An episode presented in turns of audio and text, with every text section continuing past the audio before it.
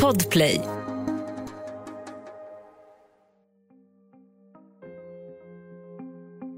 När världsartisten ASAP Rocky är på besök i Stockholm hamnar han i bråk. Amerikanen grips och blir inlåst i Kronobergshäktet. Men USAs president Donald Trump kräver att ASAP Rocky ska släppas. Många skrattar åt hans tweets, men vad få vet är att det här bakom kulisserna nu har blivit stor politik. Justitieminister Morgan Johansson tvingas ha ett telefonmöte med Trumps juridiske rådgivare som sitter i Vita husets situation room och som hotar med både tuffare visumregler och handelsrestriktioner om ASAP Rocky inte släpps. Det här är Jag var där med Andreas Utterström och Mattias Bergman. I den här säsongen jobbar vi också med Lisa Wallström. Nytt avsnitt varje onsdag. Om du inte lyssnar i Podplay-appen, där finns säsongens alla avsnitt redan nu, helt gratis. Han heter egentligen Rakim Myers, men är mer känd som rapartisten ASAP Rocky. Hyllad av kritiker, älskad av fans över hela världen. Sommaren 2019 är ASAP Rocky ute på Europaturné och den 30 juni besöker han Stockholm. På kvällen är ASAP Rocky ute på stan tillsammans med sitt entourage som bland annat består av två livvakter. I närheten av Hötorget i centrala Stockholm hamnar de i bråk med en ung man, Mustafa, som börjar följa efter artisten och hans kompisar. Det här filmas och sprids sedan på ASAP Rockys Instagram-konto som har drygt 10 miljoner följare. Just for the cameras, we don't want no problems with these boys. They keep following us. I could really beat the shit out of him. I don't even know him. He's following us. We don't even know him. So tell him to leave us alone. Exakt vad som händer sedan och varför råder det delade meningar om. Men tumultet slutar med att Mustafa liggande på gatan får ta emot sparkar och slag. Möjligen används också en glasflaska som tillhygge, även om Stockholms tingsrätt senare slår fast att det inte kan bevisas. Hur som helst så grips ASAP Rocky misstänkt för misshandel. Han placeras i en cell i Kronobergshäktet. Uppståndelsen blir enorm. Inte så konstigt eftersom ASAP Rocky är en av USAs hetaste artister vars låtar streamats över 100 miljoner gånger på Spotify. Men det är inte bara musiken som gjort ASAP Rocky till en världskändis, utan också att han dejtat Kim Kardashians syster Kendall Jenner och har köpt ett hus för drygt 30 miljoner kronor. Men nu befinner sig ASAP Rocky alltså i en helt annan miljö. I en cell på Kronobergshäktet i Stockholm, misstänkt för brott. Och tvingas därför ställa in spelningar mitt under pågående turné. Det här uppmärksammas av medier i hela världen. Inte minst i artistens hemland USA. The New York Times skriver ASAP Rocky detained in Sweden on assault charge. Och i P1 Morgon i Sveriges Radio låter det så här den 3 juli 2019. Vi ska prata just om ASAP Rocky här i P1 Morgon nu. Eh, han greps i natt. Eh, en av världens största hiphopstjärnor greps i Stockholm då det bekräftades till Aftonbladet av Åklagarmyndigheten. En av dem som tar del av mediernas rapportering är den socialdemokratiska justitie och inrikesministern Morgan Johansson. Men vet han ens vem ASAP Rocky är vid den här tiden? Nej, det visste jag faktiskt inte. Jag, jag inser att jag med detta svar avslöjar min dåliga kontakt med, med ungdomskulturen. Men jag visste faktiskt inte det. Till mitt försvar kan jag säga att jag är trots allt 52 år. Eh, så att eh, det är en annan typ av musik som jag, jag, jag lyssnar på. Däremot, alltså mina barn visste ju direkt eh, vem det var. Men, men jag visste inte det, nej. Men det här ska snart bli något som hamnar på Morgan Johanssons bord. För journalister från hela världen rapporterar nu om ASAP Rocky och brottsmisstankarna. Kändissajten TMZ skriver att amerikanen hålls inlåst under omänskliga förhållanden och serveras både smutsigt vatten och oätlig mat. Det får häkteschefen Fredrik Wallin att gå ut och dementera saken. För att ta ett exempel så dricker personal och intagna samma kommunala dricksvatten, säger han till Aftonbladet. ASAP Rocky begär också tillstånd för att få uppträda inne på häktet, men får avslag. Jag fick ju då efterhand också löpande information från departementet om eh, de påstötningar som amerikanerna hade gjort. Och, eh, så jag följde ju det här och fick information, skulle jag vilja säga, på sluttampen här dagligen, ibland flera gånger om dagen, eh, på vilken typ av agerande som, som amerikanerna ägnade sig åt, så att säga.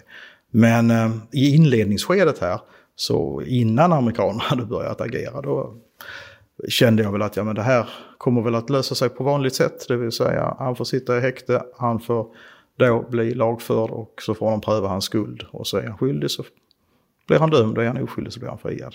Så ja. som vi alltid har det. Men riktigt så enkelt blir det inte. För president Donald Trump har nu fått upp ögonen för brottsmisstankarna mot ASAP Rocky. Han tweetar att Sverige omedelbart måste släppa artisten. Varför president Trump är så engagerad i ASAP Rockys öde är svårt att veta. Kanske tror han att det ska ge honom fler afroamerikanska röster. Kanske är det ett utslag av presidentens ständiga strävan efter att stå i centrum. Hur som helst, den 19 juli tweetar Trump att han diskuterat situationen med Kanye West. Och dagen därpå skriver han så här på Twitter. Just had a very good call with at Swedish P Stefan Löfven, who assured me that American citizen ASAP Rocky will be treated fairly. Likewise, I assured him that ASAP was not a flight risk and offered to personally vouch for his bail or an alternative. Några dagar senare tweetar Trump att han är besviken på Stefan Löfven eftersom ASAP Rocky fortfarande sitter i häkte. Liksom att USA gjort så mycket för Sverige de senaste åren men att det nu inte verkar finnas någon tacksamhet i retur. Och så avslutar Trump tweeten med Sweden should focus on its real crime problem. En mer traditionell president skulle aldrig uttrycka sig så här. Men Morgan Johansson tycker att det går i linje med Trumps beteende i övrigt.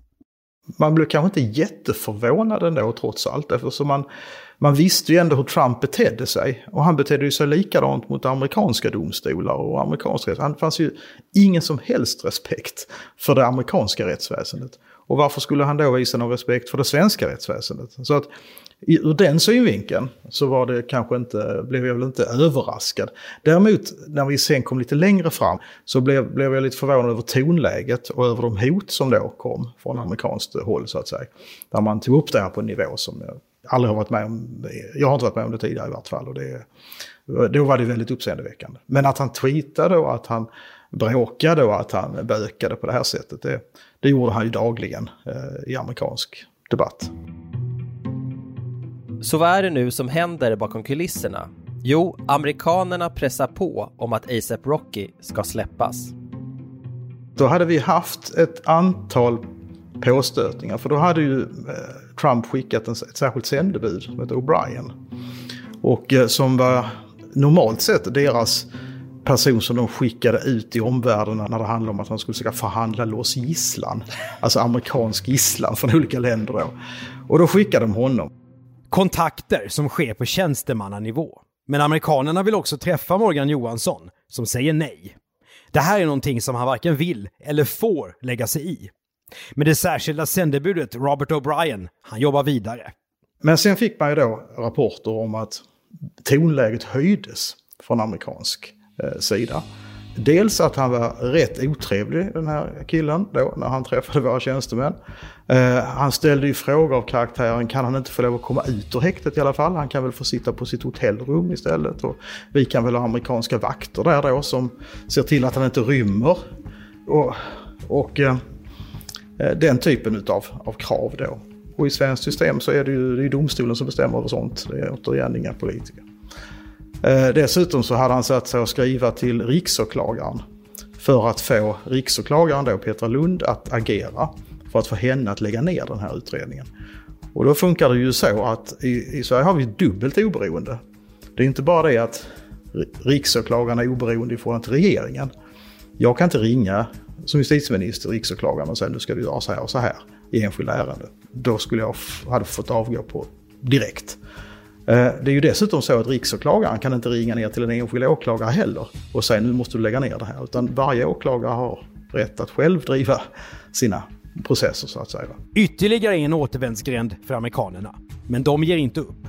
Och då höjde de tonläget ännu mer, för då började de prata om att om inte ASAP Rocky släpps, då kan, Sverige, eh, då kan vi utsätta Sverige för handelsrestriktioner. Eller eh, Visa Waiver-systemet, det här som då finns som, som möjliggör för oss att kunna resa lättare in i USA. Alltså visumtvång för svenskar? Nej, inte visumtvång, men vi har ju ett, ett förenklat viseringsförhållande Ja, mm. tillsammans med många andra länder in i USA så att säga. Och då börjar man plötsligt prata om att ja, men det kanske inte är så att Sverige ska kunna åtnjuta det längre i så fall. Brottsmisstankarna mot ASAP Rocky har nu blivit storpolitik på ett sätt som ingen väntat sig. Och nu närmar sig också rättegången, där amerikanen och två av hans kompisar står åtalade för misshandel. Och jag ska säga att vi hade också för, med anledning av det här, så hade vi ju också, och hoten om handelsrestriktioner, då hade vi också förstås fått förankra ner mot EU-kommissionen så att EU då, om man skulle rikta handelsrestriktioner mot Sverige, att de då hade fått göra det mot hela EU i så fall. Alltså en för alla, alla för en, principen måste gälla. Så att vi hade varit i kontakt med kommissionen då också. Eller UD hade varit det. Men vad tänkte du om det här handelshotet? Tänkte du att det är tomma ord eller de skulle faktiskt kunna göra verklighet av det här? Nej, ärligt talat. Nu var ju Trump som han var och han gjorde ju saker som i efterhand framstår som fullständigt eh, ologiska. Och ibland rent ja, ogenomtänkt och ibland rent galna ju. Problemet var att de var ju helt oberäkneliga också. Så att det var svårt att och jag inte kunna bedöma om det fanns någonting i det här. Samtidigt så visste vi ju då att vi hade en uppbackning också av EU-kommissionen. Vi är ju liksom inte, vi är ett, ett land som inte, vi är inte ensamma på det sättet. Ett poddtips från Podplay. I podden Något Kaiko garanterar östgötarna Brutti och jag, Davva, dig en stor dos skratt. Där följer jag pladask för köttätandet igen. Man är lite som en jävla vampyr. Man har fått lite blodsmak och då måste man ha mer. Udda spaningar, fängslande anekdoter och en och annan arg rant. Jag måste ha mitt kaffe på morgonen för annars är jag ingen trevlig människa. Då är du ingen trevlig människa, punkt. Något Kaiko, hör du på Podplay. Därför är gardinerna. Situationen håller på att urarta. Morgan Johansson inser att han nog måste ta det där mötet ändå. Och en julidag 2019, när han är på semester och klipper gräsmattan hemma i Lund, får han veta att Trumps juridiska rådgivare Pat Cipollone vill prata med honom. Jag var ju som sagt eh, hemma i Lund. Jag var inte ett dugg intresserad av att, att uh, åka till Stockholm med enda ärendet. Bara för att ta det här samtalet, utan det gjorde vi då från Lund.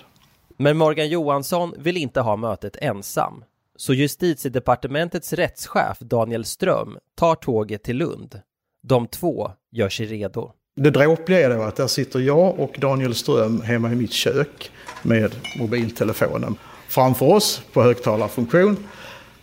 Eh, och sen sitter Pat Cipollone med hans medarbetare i Situation Room i Vita huset och eh, har det här samtalet. Och jag vet inte hur många de var eh, faktiskt. Han, det var han själv, men så var det nog också ett antal eh, liksom, rådgivare, för man hörde ibland liksom lite i bakgrunden.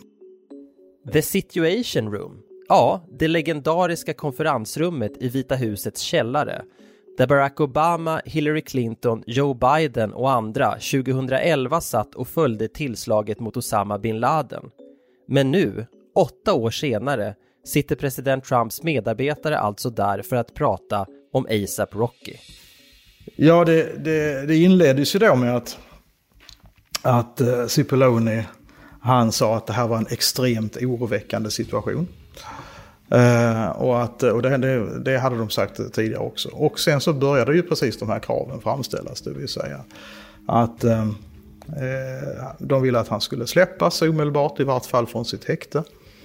Uh, och, och det fick jag ju sen då svara på helt enkelt. Och hela den här dialogen, det blev mycket längre än vad jag trodde. Vi satt där och höll på och, och traggade med varandra i 45 minuter. I, med olika vinklar på det här. När jag då förklarar då att Eh, det går inte. Eh, Sverige är en rättsstat. Här är det så att domstolarna bestämmer själv. Ja, men han, får, han sitter ju i, i häkte och vi har hört oss att han är isolerad. Nej, sa han, sa jag, han är inte isolerad. Det har det sändebudet som varit här faktiskt fått kontrollera att det är så. Och han har, eh, har också haft... Han, han behandlas precis som alla andra som sitter häktade så att säga. Det finns inga särskilda restriktioner i de här delarna. Eh, och vi hade ju också vi hade haft kontakt med kriminalvården då, tidigare för att liksom bara få höra om det var, fanns, om han hade framfört, ASAP Rocky själv hade framfört några klagomål mot hur han behandlades. Och det hade han inte gjort. Så att det, det var liksom inte det det handlade om. Och så sa jag då återigen att när det inte, det är inte regeringen som bestämmer om han ska sitta häktad eller inte, det är domstolen som gör det.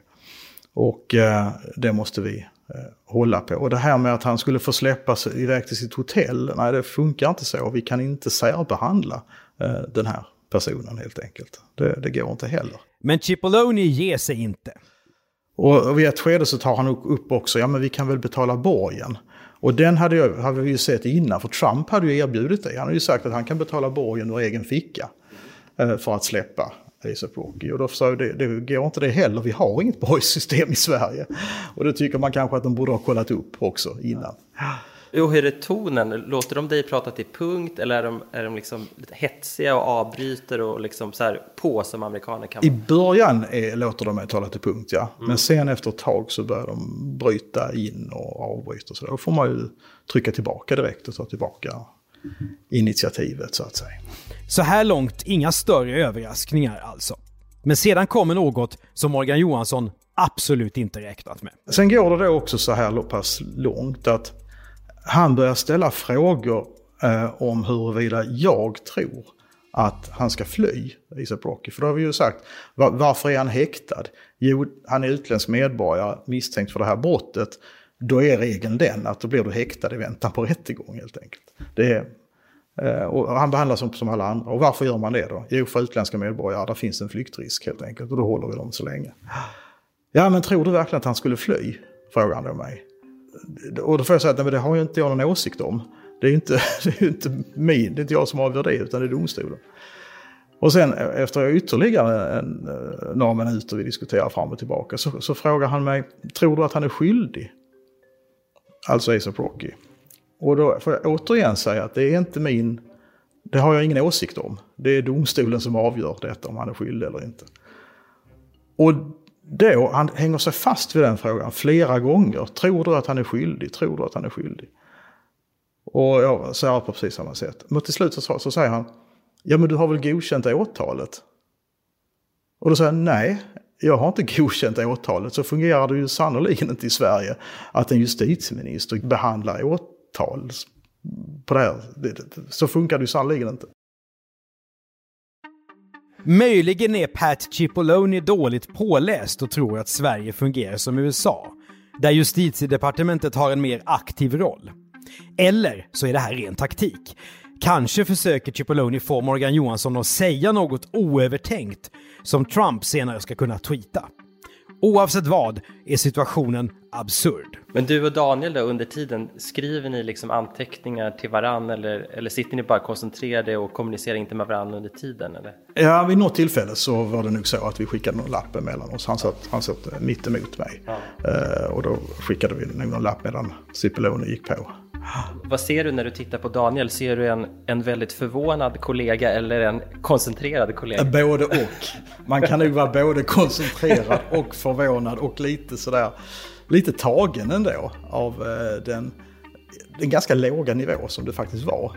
Alltså, det borde inte vara så svårt att, att verkligen kolla upp hur det svenska systemet eh, ser ut. Därför att vi gör inte på något annat sätt än alla andra västliga demokratier gör. Och själv då, kan du är du så fokuserad på vad du ska säga eller kan du så att säga se det lite utifrån och under samtalet tänka att jag kan inte tro att jag hör rätt nu? Att jag sitter och pratar om det här i 45 minuter? Lite grann så. Det är, det är, en, det är en surrealistisk upplevelse faktiskt, bitvis. Men där hade de inte gjort läxan då, om borgen och din roll. Men de har ju letat upp Eh, en annan sak, ett slags undantag där regeringen kan gå in. Där har de gjort läxan i alla fall. Och vad är det de tar upp då? Ja, de, de, de talar om det som vi har, de kallas för abolition. Som är en möjlighet att i mycket, mycket speciella fall att regeringen kan gå in och stoppa en, en brottsutredning. Om det då kan få vissa följdeffekter. Det har hänt vid ett fåtal tillfällen. Så, då pratar vi rikets säkerhet? Ja, ja. ja bland annat. Ja. Och annat ja. Det är extrema undantag så att säga.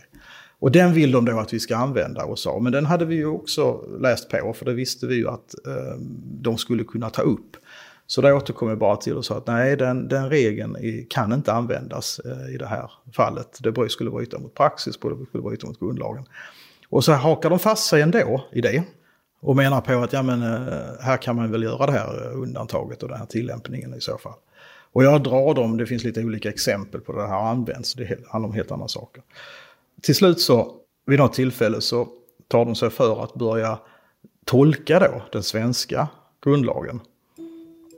Då får jag säga ifrån och säga att eh, ni må vara experter på amerikansk grundlag, men ni är inte experter på svensk grundlag, utan det är vi som tolkar vår rättsordning och vår konstitution och ingen annan.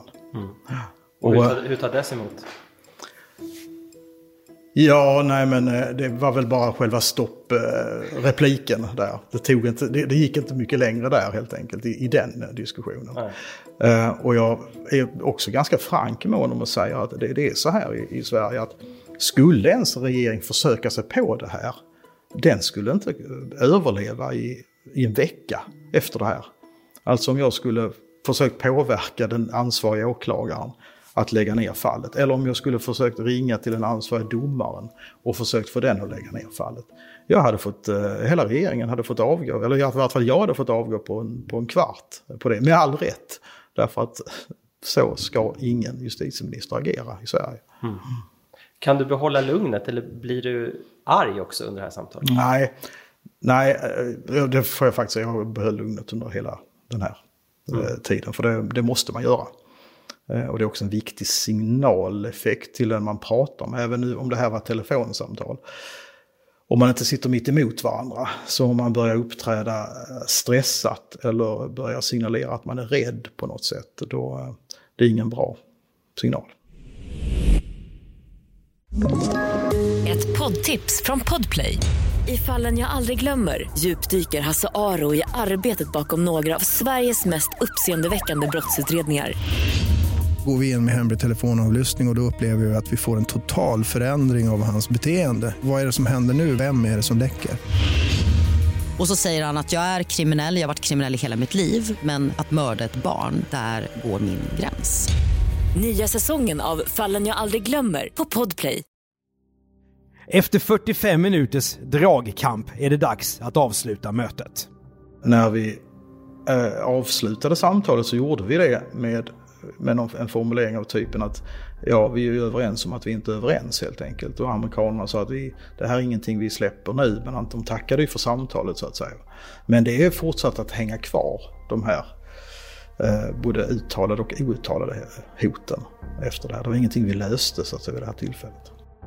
Efter telefonmötet ringer Morgan Johansson sin statssekreterare och även statsminister Stefan Löfven för att berätta vad som sagts. Kanske var det här bara början. Kommer amerikanerna att pressa på ännu hårdare nu? Nej, de hinner inte. För som Morgan Johansson minns saken tar det bara några dagar efter telefonmötet innan domen mot ASAP Rocky meddelas. Så här låter det i P4 Stockholm i Sveriges Radio den 14 augusti 2019. ASAP Rocky och de två andra eh, åtalade i det här fallet döms alla tre till misshandel och de får villkorlig dom. Eh, de menar då tingsrätten att det inte har varit någon nödvärnssituation. ASAP Rocky och eh, de två kollegorna menar ju att de har agerat i självförsvar men det menar alltså domstolen att så är det inte. ASAP Rocky ska dessutom betala 12 500 kronor i böter. Och det här händer alltså bara några dagar efter det märkliga telefonmötet. Och att det är så kort tid däremellan är ingen slump. Jag ska säga också att jag hade medvetet också skjutit upp det här samtalet. För så att det skulle vara så sent som möjligt. Så att själva domslut skulle komma ganska nära i tid. Därför att det gjorde ju då att de Ehm, inte, att de fick svårare helt enkelt att hinna agera och göra någonting annat. Så jag tror jag drog ut på det där i tre, fyra dagar i alla fall. Eh, och, också viktigt, jag ville inte göra det under tiden som domstolsförhandlingarna pågick. Mm, därför att jag var också rädd för att de skulle eh, läcka detaljer om det här samtalet. Ehm, eh, och där ska man veta att jag litade ju inte alls på hur, hur de läckorna skulle kunna se ut. Alltså om det nu var så att vi skulle accepterat ett sånt här möte med Cipollone och sen Trump eller Cipollone efteråt hade gått ut och sagt att nu har vi haft samtal med den svenska justitieministern eh, och han håller med om det här och det här och det här. Alltså, jag kunde inte lita på att de inte skulle, skulle göra det helt enkelt. ASAP Rocky är tillbaka i Stockholm senare samma år och uppträder. Han gifter sig med artisten Rihanna, blir pappa och medverkar i dokumentären Stockholm Syndrome. Dessutom skriver han via en svensk jurist brev till Kronobergshäktet och erbjuder sig att donera tröjor till de intagna. Donald Trumps juridiska rådgivare Pat Cipollone, han är länge ett okänt namn för de flesta amerikaner. Men det ska ändras 2022 när han förhörs av den granskningskommitté som utreder stormningen mot Kapitolium den 6 januari året före. If your question is did I believe he should concede the election at a point in time, yes I did. To have the federal government seize voting machines, that's a terrible idea for the country. That's not how we do things in the United States. Morgan Johansson då? Ja, när vi ses i slutet av 2022 är han inte längre justitie och inrikesminister. Efter valförlusten är Morgan Johansson istället riksdagsledamot för Socialdemokraterna och vice ordförande i utrikesutskottet. Mycket har hänt sedan det märkliga telefonmötet om ASAP Rocky. Men Morgan Johansson tänker fortfarande på det ibland. Men det jag slogs av efteråt, det var ju det att om amerikanska administrationen kan göra på det här sättet mot Sverige eh, och mot en liksom, medlem i, i, i den Europeiska unionen och, och, och ett land som vi alltid haft bra relationer med. Om man kan göra så mot Sverige, hur, hur gör de då inte mot något litet land i Mellanamerika eller i Sydostasien? Alltså, hur beter man sig inte där då i så fall? Eh, med den här typen av påtryckningar. Det var ju en insikt också att här fanns det en administration som kunde i praktiken tänkte att man kunde göra lite vad som helst. Donald Trump då? Ja, han fortsätter att leva ett liv som präglas av utredningar. Även om de inte handlar om ASAP Rocky. Utan om kreativ bokföring i bolagen. Om att Trump försökt påverka rösträkningen i delstaten Georgia. Och om hemligstämplade dokument som hittats i hans bostad i Florida. Men samma kaos som retar gallfeber på vissa triggar andra som menar att den före detta presidenten jagas av eliten och vänstervridna medier. Och det här är något som Trump är skicklig på att vända till sin fördel. Inte minst nu, våren 2023, när han siktar på att göra comeback i Vita huset. Så här låter det i en kampanjfilm. First, we will cut federal funding for any school or program pushing critical race theory, gender ideology, or other inappropriate racial, sexual, or political content onto our children. We're not going to allow it to happen. Men en fråga kvarstår. Varför var rättegången mot ASAP Rocky så viktig för Donald Trump? Presidenten borde väl haft viktigare saker att lägga tiden på. Jag tror att det här handlade om, detta var ju eh, en del av, en, kanske inte en stor del, men en liten del av hans återvalskampanj. Det här var ju på sommaren 2019. Det var ett år kvar till, eh, drygt kvar till, till presidentvalet. Eh, han ville ha, eh, han var angelägen om svarta röster helt enkelt. Och han använde ju det också på olika sätt. Eh, där. Och eh, ASAP Rocky var ju en känd stjärna i, i USA. Han eh, trodde sig nog att han trodde nog att han helt enkelt kunde slå mynt av det här politiskt. Dessutom om jag inte missminner mig så var det väl ju då dessutom så att han försökte ta cred när, det här, när, när ASAP Rocky kom tillbaka. Och försökte då framställa det som att han hade fått honom fri. Vilket ju då var totalt, återigen totalt galet. Därför att så var det ju inte. Han hade dömts och han hade liksom enligt, behandlats som alla andra helt enkelt i de här situationerna. Men han ville göra politik av det här, att han skulle, det var han som skulle befria eh, ASAP helt enkelt. Du har hört Jag var där med Mattias Bergman och Andreas Utterström. Producent Andreas Karlsson. Exekutiv producent för säsongen är Jonas Lindskog. Det här är en produktion av Commercial Content för Podplay. Läs mer om Commercial Content på vår sajt och följ oss gärna på Instagram och LinkedIn. I nästa avsnitt får du höra historien om Nocco Jeans. När Jakob Olsson och hans två kompisar mot alla odds tillverkade jeans i världens mest slutna land och varför killarna långt senare blev uppvaktade av spioner. Nytt avsnitt av podden varje onsdag. Om du inte lyssnar i Podplay-appen.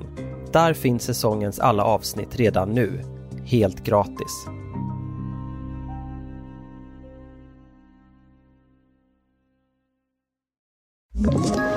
Ett poddtips från Podplay.